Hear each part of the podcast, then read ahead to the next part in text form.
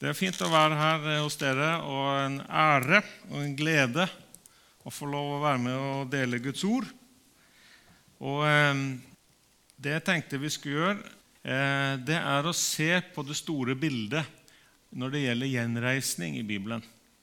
Så Jeg har lyst til å ta oss gjennom historien og så eh, se litt på eh, denne tida fra ca. år 700 til år 430.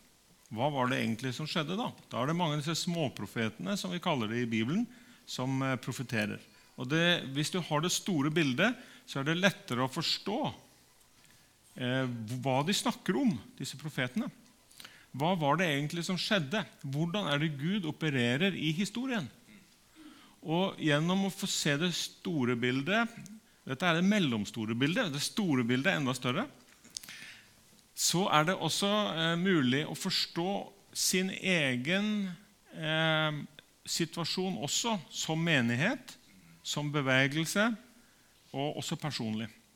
Så det, det er min bønn, at jeg kan få være med og bidra til det. Og eh,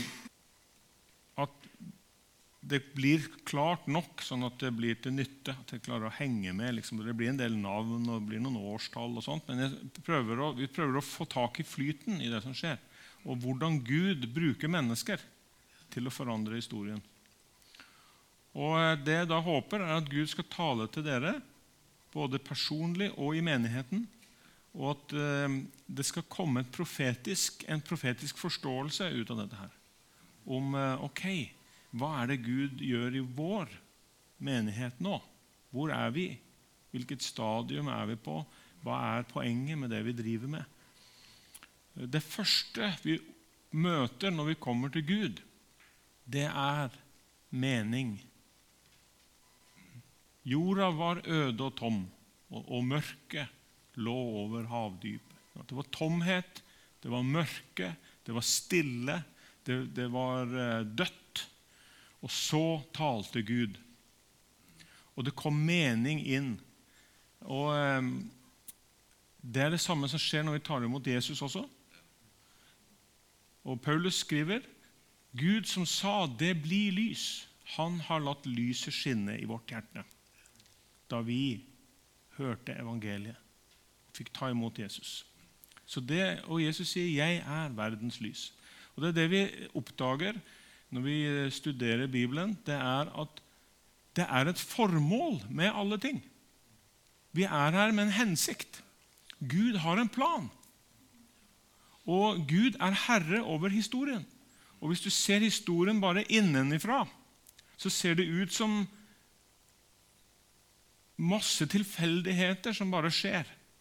Og at ting går om igjen og om igjen, og det går i sirkel. Og Dette var jo, dette var jo den vanlige historieoppfatninga.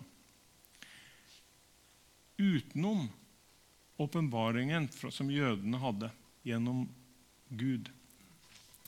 Alt gikk i sirkel. Og, og, og Ei bok i Bibelen som vi har sjøl, som er en slags filosofisk, en slags eksistensiell filosofi, hvor eh, forkynneren sier alt går rundt og rundt. Det er ingenting nytt under solen.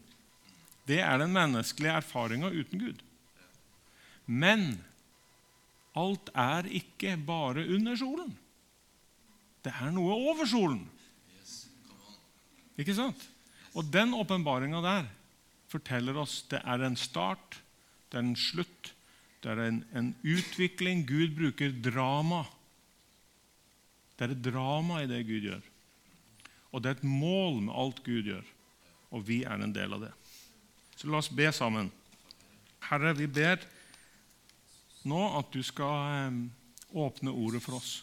Herre, du, eh, jeg tenker på det som står i Lukas kapittel 24. Du gikk sammen med de to fra Emmaus, eller de gikk til Emmaus fra Jerusalem, og, og du la ut for dem fra Skriftene. Og det brant i hjertet deres, for de forsto Guds plan. Og Herre, det er det vi ber om nå. At du skal gjøre det samme med oss. At du skal vise oss din plan, sånn at vi kan kjenne at Wow, så fantastisk det er å leve. Så fantastisk det er å være med på det du gjør. Så godt det er å kjenne deg og vandre sammen med deg. Og at vi kan forstå det store bildet, sånn at vi kan stå trofast i den tjenesten du har gitt hver enkelt. Og eh, ikke la oss bli mismodige, og ikke la oss overvelde av det som skjer. Men eh, ha en forståelse, en innsikt, og vite hva vi bør gjøre. I Jesu navn. Amen. Det som er et av de store traumene i Israels historie, det var når de måtte eh, reise fra de ble, de ble angrepet i Jerusalem. Det hadde vært en lang periode med nedgangstid og splittelse. Og siste store, Den siste store katastrofen den skjedde og Vi har til og med datoen. Det var den 17. august i år 586. Da ble tempelet i Jerusalem, eller byen Jerusalem ble inntatt av asyrerne og lagt i grus. Og alle innbyggerne ble enten eller så å si alle innbyggerne ble enten drept eller bortført til Babylon som fanger. Da, la, da ble hele Judea nedlagt. Hele Jerusalem ble nedlagt. Tempelet ble revet ned og brent. Og tida i eksil for jødene begynte. Det hadde allerede vært noen som hadde vært eh, tatt til fange tidligere også. En av de var Daniel. Han, eh, han ble bortført til Babylon i et, et tidligere slag, men eh, hvor Jerusalem enda besto. Så eh, han, Daniel var da i Babylon, og han var jo tatt inn i kongens hoff og trent opp som en av de unge utlendingene som kunne være med og styre. For Det var et stort imperium, mange språk, mange kulturer, mange folkeslag. Og Daniel fikk en sånn spesiell opplæring. Det er fantastisk å se Daniels liv, hvordan Gud bruker han gjennom flere epoker og under flere ulike konger som, eh, som kommer til makta. Og eh, også eh, som erobrer, kan si fiendekonger, egentlig, som erobrer Babylon også, også likevel pga. at han er så verdifull. Han kan så mye, han er brukt av Gud, han, han, eh, han har en visdom fra Gud. Så vil de nye kongene beholde han. Så han, eh, han tjener over lang tid. Og eh, Jeg har lyst til å snakke litt om hva var foranledningen til denne katastrofen i 586. Det er et årstall dere kan tenke på, for det er et viktig årstall for å klare å skjønne hva skjer før, og hva skjer etter? 586 før Kristus. Og det vet vi. Vi vet så mye datofesting rundt det pga. at i babylonske eh, eh, skrifter så eh, hadde de en kalender som eh, man kan eh, synkronisere med vår kalender.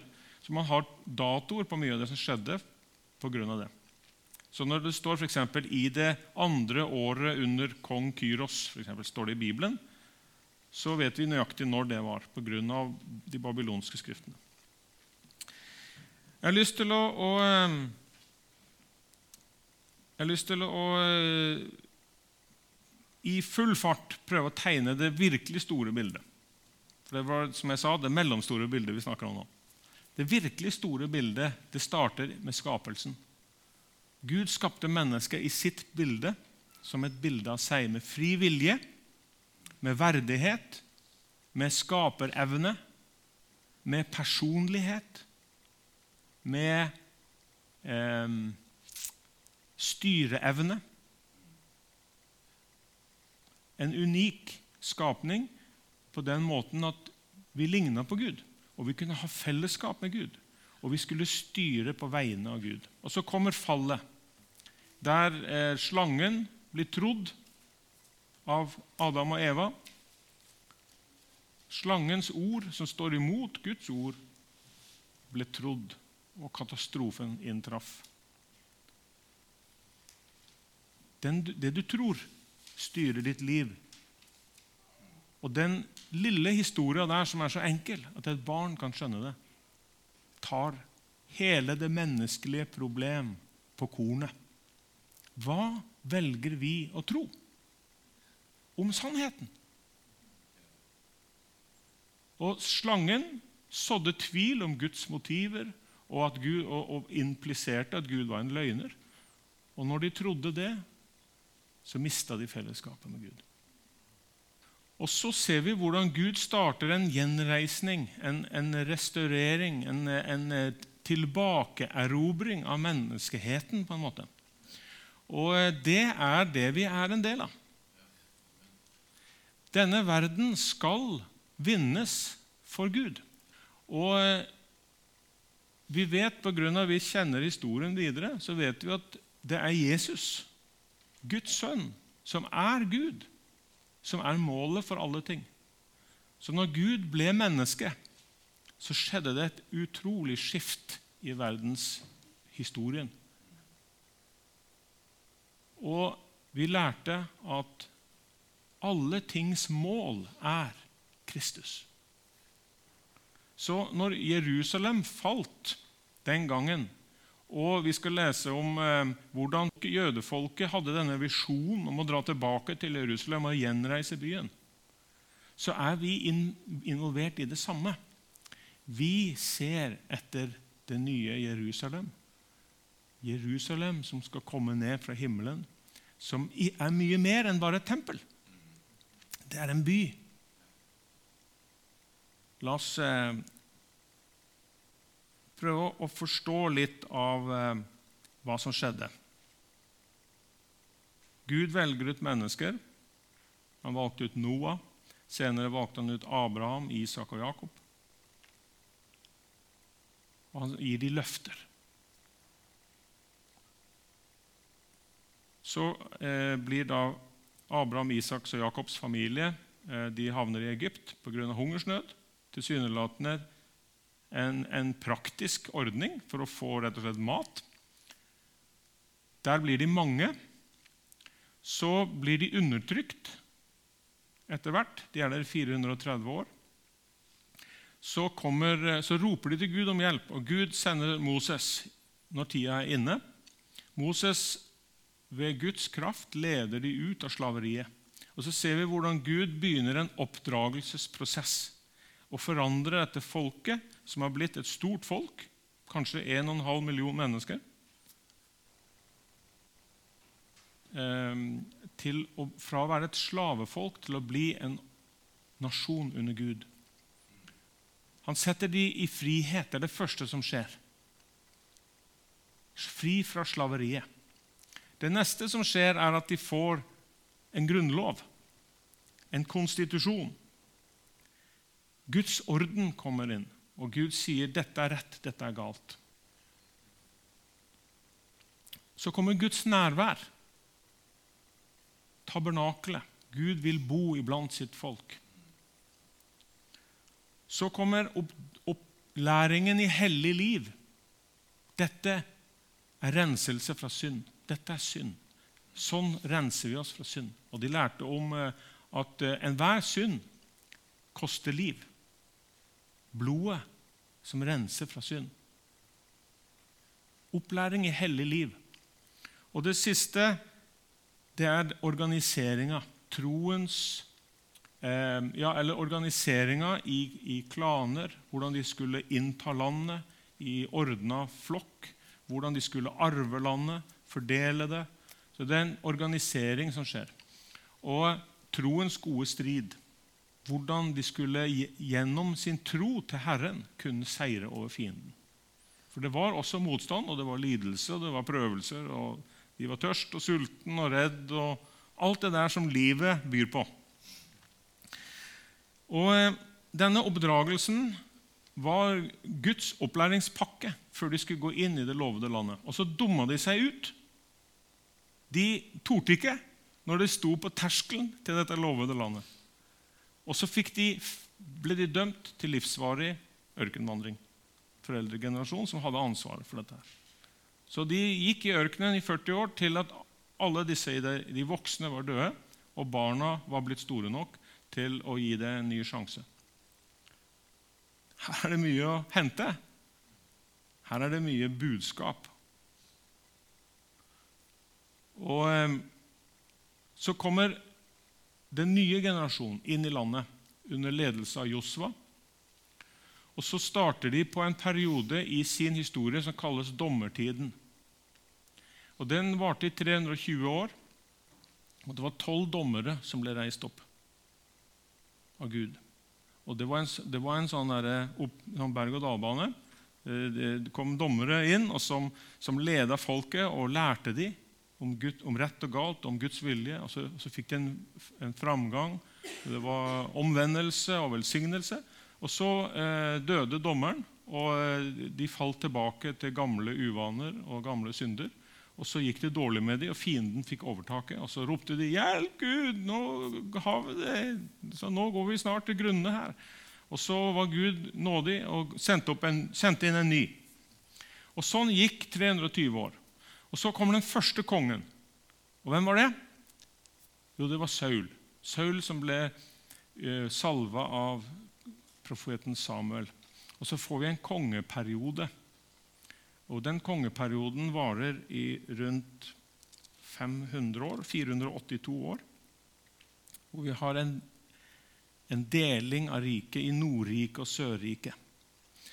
Og Den kommer veldig fort. Det, det er egentlig David da, et som kommer etter Saul. Han er jo konge nummer to. David. Og Så kommer Salomo. Han er konge nummer tre i kongerekka. Og så bryter det sammen. Og så, og så blir det en splittelse mellom Nordriket og Sørriket.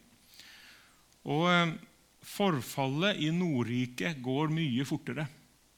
For der har de en konge som heter Jeroboam. Og Hvis du leser om Jeroboam i Bibelen, så ser du at han er en av de verste synderne som nevnes. Hva var det som var så gærent med han, da? Jo, for Jeroboam han var han hadde ingen respekt for Gud. Han brukte religionen som et middel for politikken.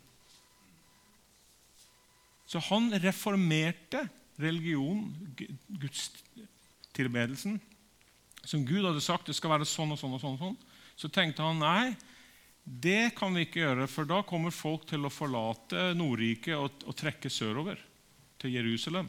Så han fant på en ny religion.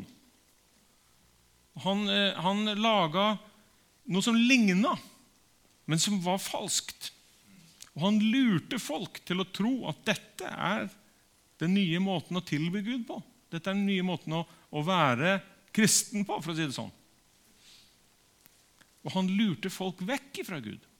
Dette var en slags synkretisme, en religionsblanding, en oppkonstruert religion som ligna på det Gud hadde sagt, men som ikke var det. Og Dette her førte til et forfall som var mye raskere. som sagt. Og Jeg har lyst til å lese til dere nå fra andre kongebok, som sier litt nå om eh, tilstanden og hvorfor det gikk så dårlig med dem.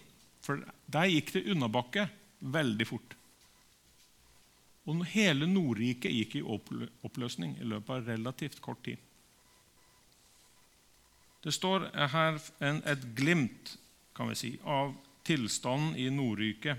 Og det Nordriket, Hovedstaden i Nordriket, altså de 11-10,5 halv stammene Det var tolv stammer i Israel, og 10,5 eh, trakk seg vekk fra Judea. Sånn at Judea, som var i sør, med hovedstaden Jerusalem, de, eh, de var, det var judeerne, og så var det eh, halve Benjamins stamme.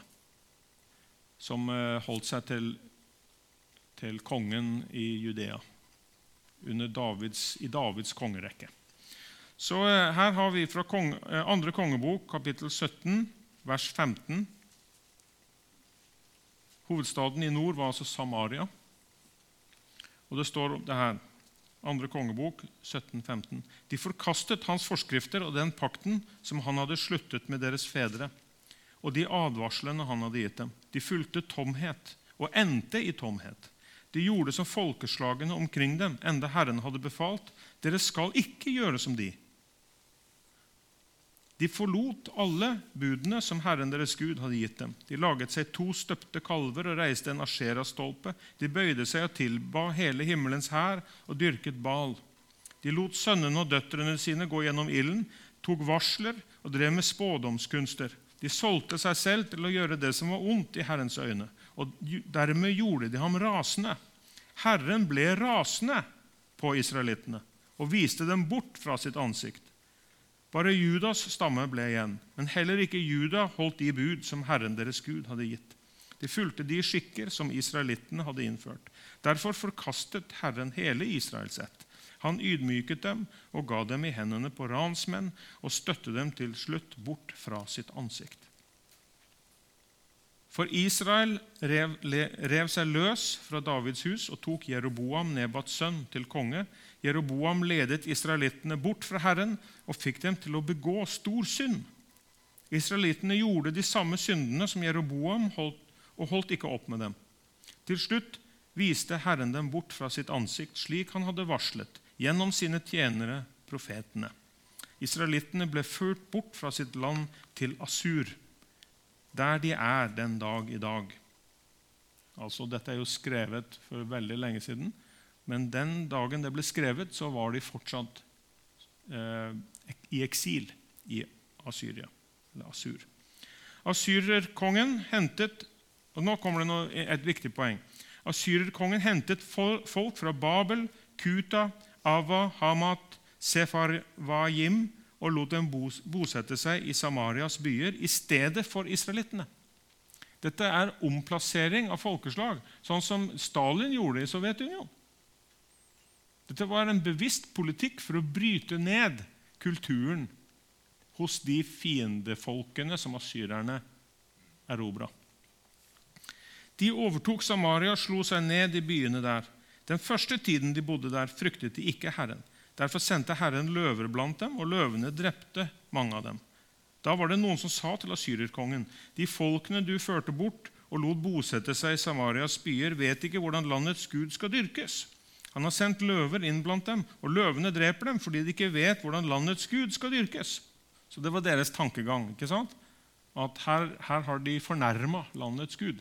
Så De hadde ingen forståelse for hvem Israels gud var. De bare at det var en lokal gud. Da ga asyrerkongen denne ordren.: Send tilbake en av prestene dere har ført bort fra landet. La, dem, la ham dra av sted og bosette seg der, så skal han lære folket hvordan de skal dyrke landets gud. En av prestene som var bortført fra Samaria, kom da og bosatte seg i Betel. Han lærte folket hvordan de skulle frykte Herren. Likevel fortsatte hvert folkeslag å lage seg sine egne guder, og de satte dem i helligdommene som innbyggerne i Samaria hadde reist på offerhaugene. Dette gjorde hvert folkeslag i byene hvor de bodde. Folket fra Babel laget et bilde av Sukkot-Benot, de fra Kut laget et bilde av Nergal, og de fra Hamat laget et bilde av Ashima. Folket fra Ava laget bilder av Nibhas og Tartak, og de fra Sefarvajim brente sine sønner i ilden for Adramelek og Anamelek, Sefarvajims guder. De fryktet nok Herren. Tenk på den setninga som kommer nå. De fryktet nok Herren, men gjorde også noen av sine egne til prester på offerhaugene, og de ofret for folket i helligdommene der. De fryktet Herren, men dyrket sine egne guder på samme måte som folkeslagene de var bortført fra. Den dag i dag følger de sine opprinnelige skikker. De frykter ikke Herren og følger ikke de forskriftene og reglene, den loven og det budet Herren påla etterkommerne av Jakob, som han ga navnet Israel. Så det var en salig blanding av både jødisk tilbedelse av Gud og lokale avgudsdyrkelse. ikke sant? Og Dette var jo det som ga samar samaritanerne et veldig dårlig rykte i Judea. Og de, det ble, eh, Derfor ble det å være en samaritaner ble, eh, ble det samme som å være en frafallen. Og dette fortsatte jo.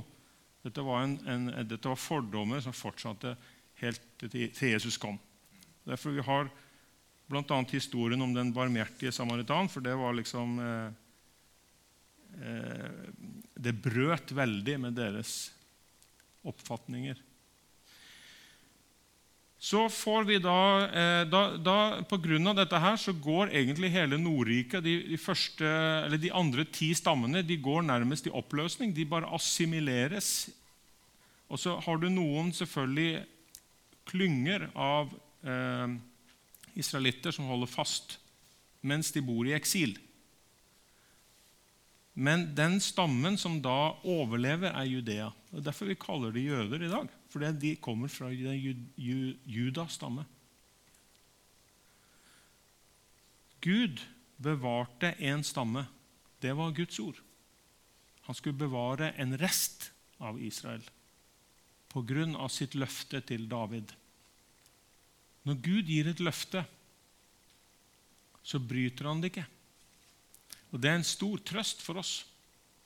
Og Det å studere Guds løfter og ta det til seg, det er næring. Det er mat for vår ånd. Det, er, eh, det knytter oss til Gud. Det gir fred, fordi at vi kan se eh, livet i Guds perspektiv. Og når vi ikke ser løsning, og vi, vi føler oss redde og slitne og motløse, så kan vi hvile på det Gud har sagt. Gud er det Gud den allmektige. Når han har lovt noe, så holder han løftet sitt. Judea eh, hadde ikke noe eh, særlig eh, problemfri historie. Nå er vi på tur inn i mellom, det mellomstore bildet her. Hvor eh, det skjedde store ting ute i verden. Babylonerne ble erobra av asyrerne etter hvert. Asyrerne eh, da beleira Judea og gjorde mange raid inn i Judea. Eh, Plyndra landsbyer, småbyer. Og etter hvert så beleira de Jerusalem også. Eh, og eh, de klarte å, ved, ved, Guds hjelp så, så trakk syrerne seg etter hvert tilbake, men de hadde fått da stor makt i Judea. Og de neste kongene Det var en kort periode der. så var De, de kongene i, Judea de var der på nåde fra asylerne. Men det ble opprør. Eh, og eh, de, for de kongene som asyrerne tillot, å styre i Judea. De gjorde opprør mot altså Nebukadneser, kongen i Asyria. Og Dermed så kommer de tilbake igjen. Og I 588 så beleira de byen. Og De beleira byen i to og et halvt år. Kan du tenke deg å være i Jerusalem og beleire en svær asyrisk hær som, eh, som bare tripper etter å komme inn og ødelegge? i to og et halvt år. Det ble stor nød innafor murene.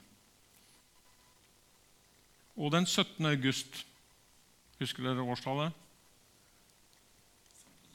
586. ja. 586 før Kristus. Da gikk de til angrep, brøt, ned, brøt seg gjennom muren, plyndra byen, brente og reiv ned og, og jevna tempelet med jorda. Og eh, Jeremia, Esekiel, Jesaja hadde advart om dette her i år etter år etter år etter år. Jeremia, Når du leser Jeremia, så sier han jo til de etter, et, etter, et, um, etter 23 år så sier han, 'Nå har jeg advart dere i 23 år.' Dere hører ikke hva jeg sier. Gud kommer ikke til å tillate dere å fortsette å leve på denne måten, sier han. Men de hørte ikke på han. Og Så gikk det en, hvis ikke tar feil, en 20 år til, og så var vi kommet til 586. Da var det, da var det game over. Og det er noe Gud gjør. Men hvis en kultur blir så råtten at det ikke er noe håp om helbredelse, så null stiller han og starter på nytt. Det hadde han gjort før også. Han skjærer reint. Så sier jeg at, husker den historien Jesus snakker om, at, eh, om gartneren som, som eh, vanner og gjødsler, men det kommer ikke noe frukt. Så sier eh, sjefen, 'Kapp det ned.' Og så sier gartneren, 'La oss prøve ett år til.' Ok, vi det, prøver ett år til, men hvis ikke da kommer frukt, så kapper vi det ned og brenner det. Og sånn Dette er jo et bilde på Guds måte å jobbe på. Det med at Gud har gitt mennesker fri vilje, er et stort ansvar. Og enhver kultur, akkurat som ethvert menneske, enhver nasjon, står ansvarlig overfor Gud. Hva gjør vi? Hvordan forvalter vi det Gud har gitt? Og eh, hvis, ikke, hvis det er en trass imot Gud der som herder hjertet og gjør det umulig for Gud å få omvendelse i folk, da er det ikke noe mer å vente på. Så kanskje venter han et år til, eller et tiår, eller kanskje 40 år. Men hvis det ikke skjer en forandring, så er det game over. Og Det ser vi gjennom verdenshistorien gang på gang. Så De som er historikere, de analyserer og analyserer, og de prøver å finne forskjellige faktorer. Det er økonomiske faktorer, det er etniske faktorer, det er, det er forandringer i verdenshandelen. Ja, selvfølgelig, det også. Men Gud er verdens herre og historiens herre. Det å misse det perspektivet, det er en stor tabbe. Så I 586 så sendes jødene i eksil i Babylon. Jeg fant på nettet en sånn tidslinje som er ganske bra. Den heter timeline.biblehistory.com. Og Der eh, går det an å følge med på hva som skjedde i de forskjellige epokene, og hvem som levde når, og hvilke profeter som levde da og da. Det hjelper oss veldig til å forstå hvorfor de snakka sånn som de gjorde. Nå blir dette litt for smått for dere å se, selvfølgelig, men eh, det er bare et tips. da. Kan eh, bruke det hjemme. Jeg tror det er bra. det er ganske ferskt for meg også, men jeg, det, jeg håper det er noen bra, noen som står bak det der. Får sjekke det årstallene virker i hvert fall riktig. Vel, så Hva skjer nå? Jo, før katastrofen inntreffer, så vet vi nå Gud hadde advart dem mange ganger. Og gjennom Jeremia, gjennom Jesaja, gjennom Daniel, så hadde Gud gitt dem et klart budskap. Hvis ikke dere nå vender om, så vil dette skje. Og til slutt så var det sånn at dommen falt. Nå vil det skje. Gud hadde bestemt seg. Og det gikk enda flere år før før det materialiserte seg. Men da var løftet fra Gud Dere kommer til å bli erobra. Dere kommer til å bli sendt i eksil i Babylon. Når dere gjør det, så ikke stritt imot. Overgi dere. Det var jo Jeremias sitt budskap. Og de tålte jo ikke det. Han ble jo satt i fengsel. For han gikk jo rundt til folk og sa, 'Ikke slåss med eh, asyrerne. Gi dere. Overgi dere. Så vil dere redde livet.' Så sier Herren, overgi dere. Det, det brøt jo ned moralen for de som hadde lyst til å slåss. Så Det ville de ikke ha noe av. Så de satte han i fengsel på vann og brød og nekta han, eh, nekta han å gå rundt og profetere. Og så skjedde jo alt det han hadde sagt. Og blant annet hadde han sagt etter 70 år skal Herren vende skjebnen for eh, jødene. Etter 70 år. Og så eh, satt jødene da nedslått i Babylon ved Babylons elver. By the rivers of Babylon. Jeg satt de og gråt og lengta og angra på sitt folks synd og ba til Gud la oss få en ny sjanse. Og så kommer, eh, så kommer det en ny hersker i Persia i 559. altså noen eh, år senere. Det er bare en eh, Det er bare en ti år, ti år senere så kommer Kyros, kong Kyros til makten i Persia.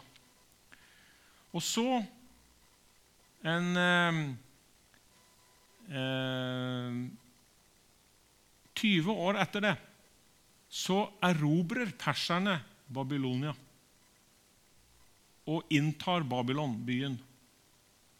Og Kyros blir enehersker i hele dette enorme området. Og nå skjer det noe interessant. Kong Kyros han har en annen politikk. Han, hans policy er å sette fri de folkeslagene som babylonerne har undertrykt. Og dette vet vi fordi det er funnet noe som heter Kyros-sylinderen. The Kyros cylinder på engelsk. Hvor man har funnet hans befaling, som er prega inn i en leirsylinder som ble sendt rundt i riket. Hans befaling om frihet for de undertrykte. Og Dette er et så sterkt bevis og en sånn tilknytning til de bibelske tekstene at til og med The British Museum, som er veldig sekulært, de anerkjente de bibelske skriftene sier dette, var, dette er en bekreftelse på de bibelske tekstene. Og de sier til og med Daniel profeterte det som skulle skje. Dette var litt seinere. Daniel profeterte en maktovertagelse som skulle skje. Det er ganske sterkt når British Museum anerkjenner Daniel for å ha profetert sant.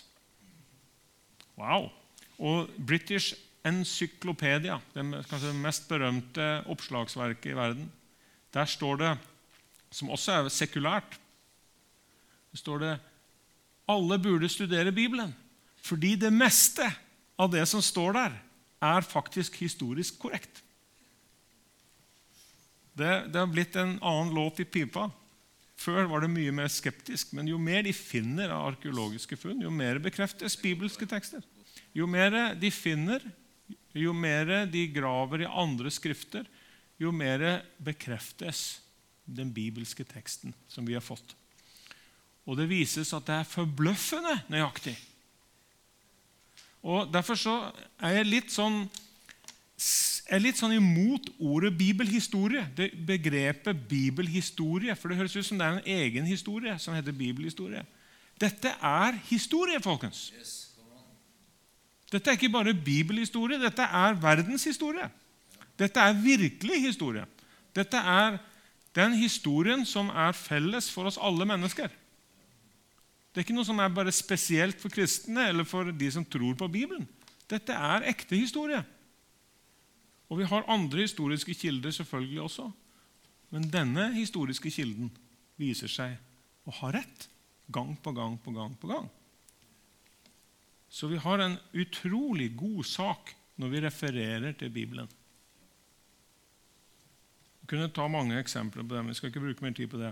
Men jeg oppfordrer dere til å, å lese omkring fakta, historiske fakta rundt bibeltekstene. Eh, Lukas for eksempel, han regnes som en av de store historikerne i antikken. Han er så nøyaktig. Og, og eh, Forskere som har gått igjennom tekstene og, og, og, sammenligner med andre historiske kilder, de, de sier at det er en eh, rundt 80-90 spesifikke angivelser i Lukas sine skrifter, altså apostelgjerningene, som er spikeren på hodet i forhold til samtida den gangen. Gang på gang viser det seg at han har rett. Så eh, historie er viktig. Vi tror ikke bare på en filosofi. ikke sant? Vi tror ikke på en, en, en lære, eh, sånn som i buddhistene, den, den eh, åtte, de, uh, åttestegsveien til, til opplysning. Altså det, det, er sånn som det ikke er så nøye nesten om man har levd eller ikke. for Hvis du bare følger oppskriften, så når du nirvana. Nei, det er ikke sånn kristen tro er. Kristen tro er basert på historiske fakta. Facts. Ting som virkelig har skjedd. Paulus sier hvis ikke Jesus virkelig har stått opp fra de døde, på ordentlig, fysisk, da er budskapet vårt ingenting. Vi er bare noen eh, stakkarslige folk som ikke kan face livets realiteter, må ha en krykke. Nei, det har skjedd, og derfor tror vi. Og Hvis du skal si at det ikke har skjedd, på tross av dokumentene, på tross av funnene, arkeologien, så må du ha en grunn til å avvise det. Hvilken grunn har du til å avvise? Da bør du ha noen virkelig gode kilder å, vise til. Det finnes ikke. Det finnes ikke. Jeg skal, jeg skal prøve å stå imot fristelsen for å gå inn videre på den. Vi, vi må tilbake til kong Kyros. Tenk deg nå at, uh, at uh, Kyros kommer til Babylon. Der møter han Daniel. Daniel er jo der. Og han blir presentert for skrifter. Jesajas, som hadde, hadde, hadde profetert om han allerede 150 år før kong Kyros kom til makta.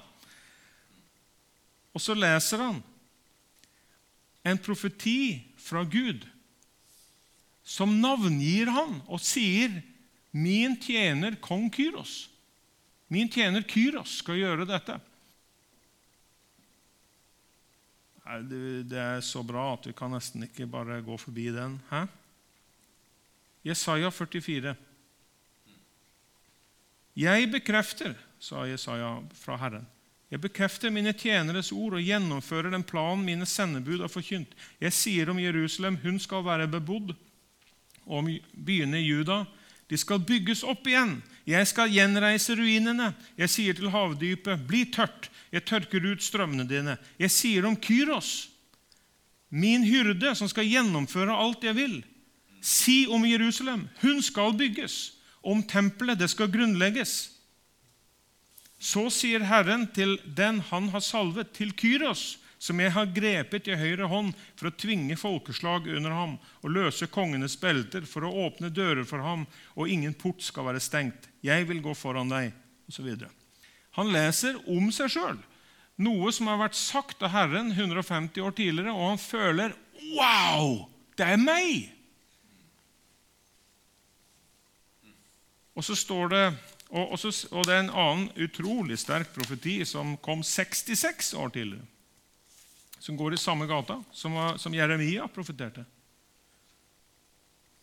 Og så følger han Gud taler til ham. Jeg skal jammen gjøre det som profetien sier. Og det står i Esra. Esra kapittel 1. Det, I det første året Kyros var konge i Persia, vakte Herren en tanke i ham for at det ordet som Herren hadde talt gjennom Jeremia, skulle bli oppfylt. Så han leser teksten. Gud taler til ham. Han bestemmer seg. Jerusalem skal jammen bygges opp igjen.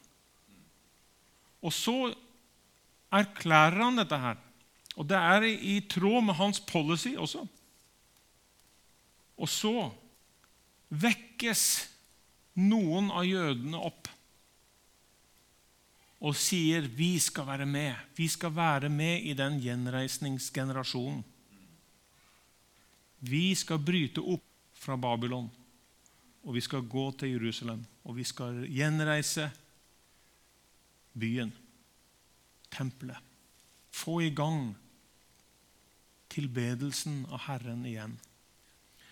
Og da, kom, da har vi første gruppe da har vi første gruppe som da reiser i år 536. Det var gått 47 år da, siden Jerusalem ble ødelagt. 47 år. Det var ikke så forferdelig lenge.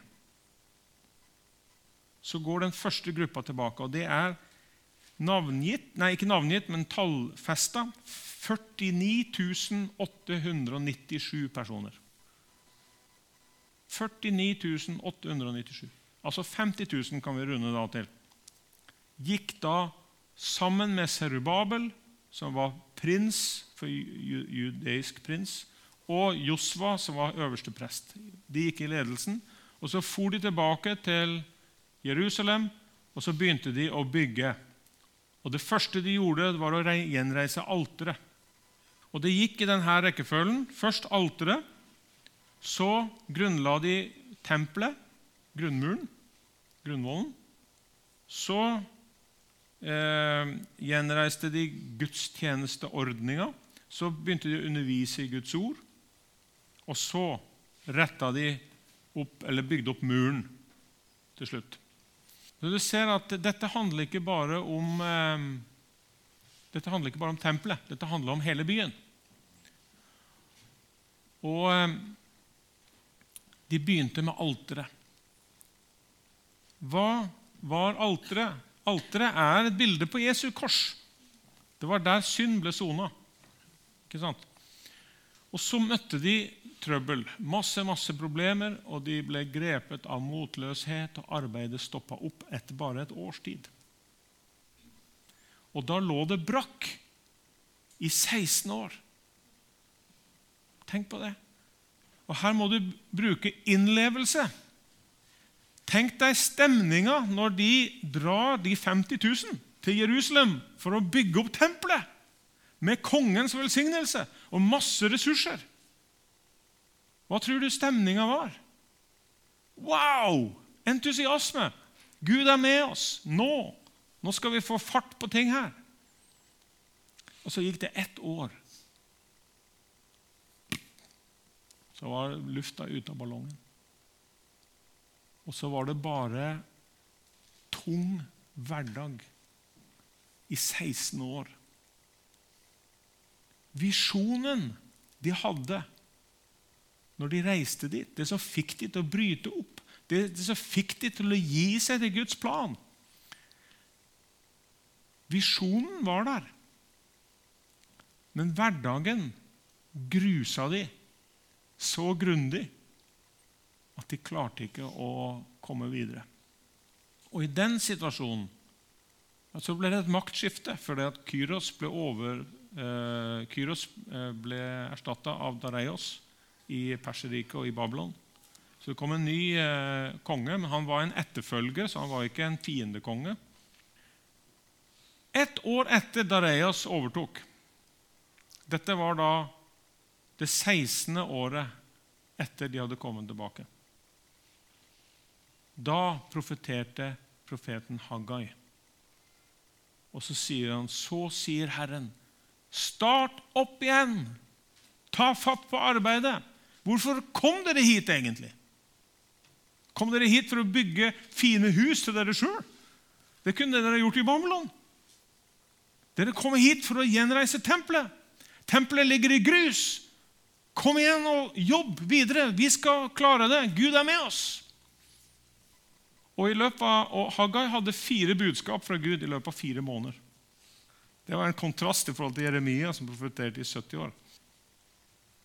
Haggai hadde fire korte budskap, og det tente folk sånn at de reiste seg opp.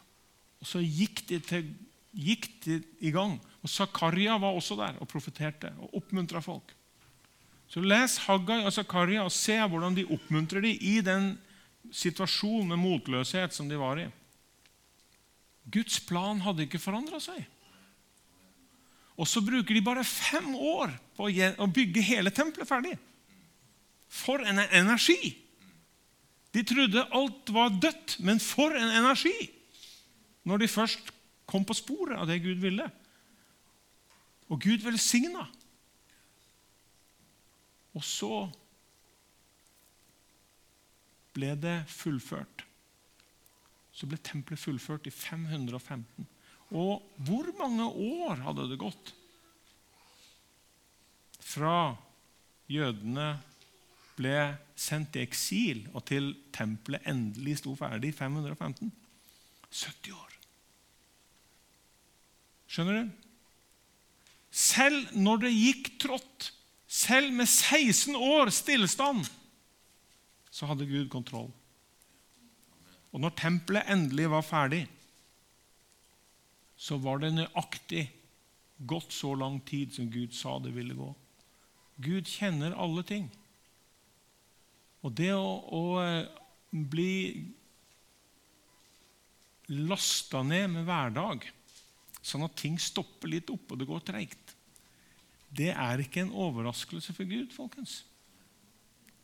Det er med i beregninga. Og Det er et ord jeg føler Nå må vi nesten stoppe her. Husk på, Det kom to grupper til. Det kom en gruppe til 78 år etterpå. Det er omtrent som for oss tilbake til andre verdenskrig, slutten av andre verdenskrig. Det var ei gruppe til som kom for å hjelpe til. Det var under Esra. Og så kom eh, Nehemia 13 år etter det igjen. Dette var tungt arbeid. Det var mye opp- og nedturer. Men jeg føler at Gud taler til oss i vår situasjon, for vi identifiserer oss med de. Vi er en gjenreisningsbevegelse. Vi ønsker at Gud skal få den menigheten han vil ha, sånn som han beskriver den i sitt ord i Skriftene. Vi vil at alle de tingene som Gud har talt oss om gjennom Skriftene, skal skje i virkeligheten. Ikke sant? At menigheten skal ledes sånn som Gud beskriver. At menigheten skal vokse sånn som Gud beskriver. At menigheten skal være full av Den hellige ånd, sånn som Skriftene beskriver. Og vi vil ikke gå på kompromiss med noen ting av det. Det er en gjenreisningsvisjon som bærer oss. Og det, det er mange tunge hverdager. Men det er bedre å bo i Jerusalem og prøve enn å bo i Babylon og ha det komfortabelt. Er du enig? Dette er det jeg føler Gud sier til oss. Han har kontroll. Og den, den visjonen han har gitt oss, og det kallet han har gitt oss, det gjelder fortsatt. Og han vil hjelpe oss å skjønne hva er neste skritt. Ha tro til Gud. Du skal se at når det skjer, det som vi føler Gud har vist oss, som, som vi lengter etter, så skjer det akkurat sånn Gud hadde bestemt helt fra starten av. Han trenger folk som kan stå på sin post og ikke gi opp, selv om han ikke ser løsninga. Amen.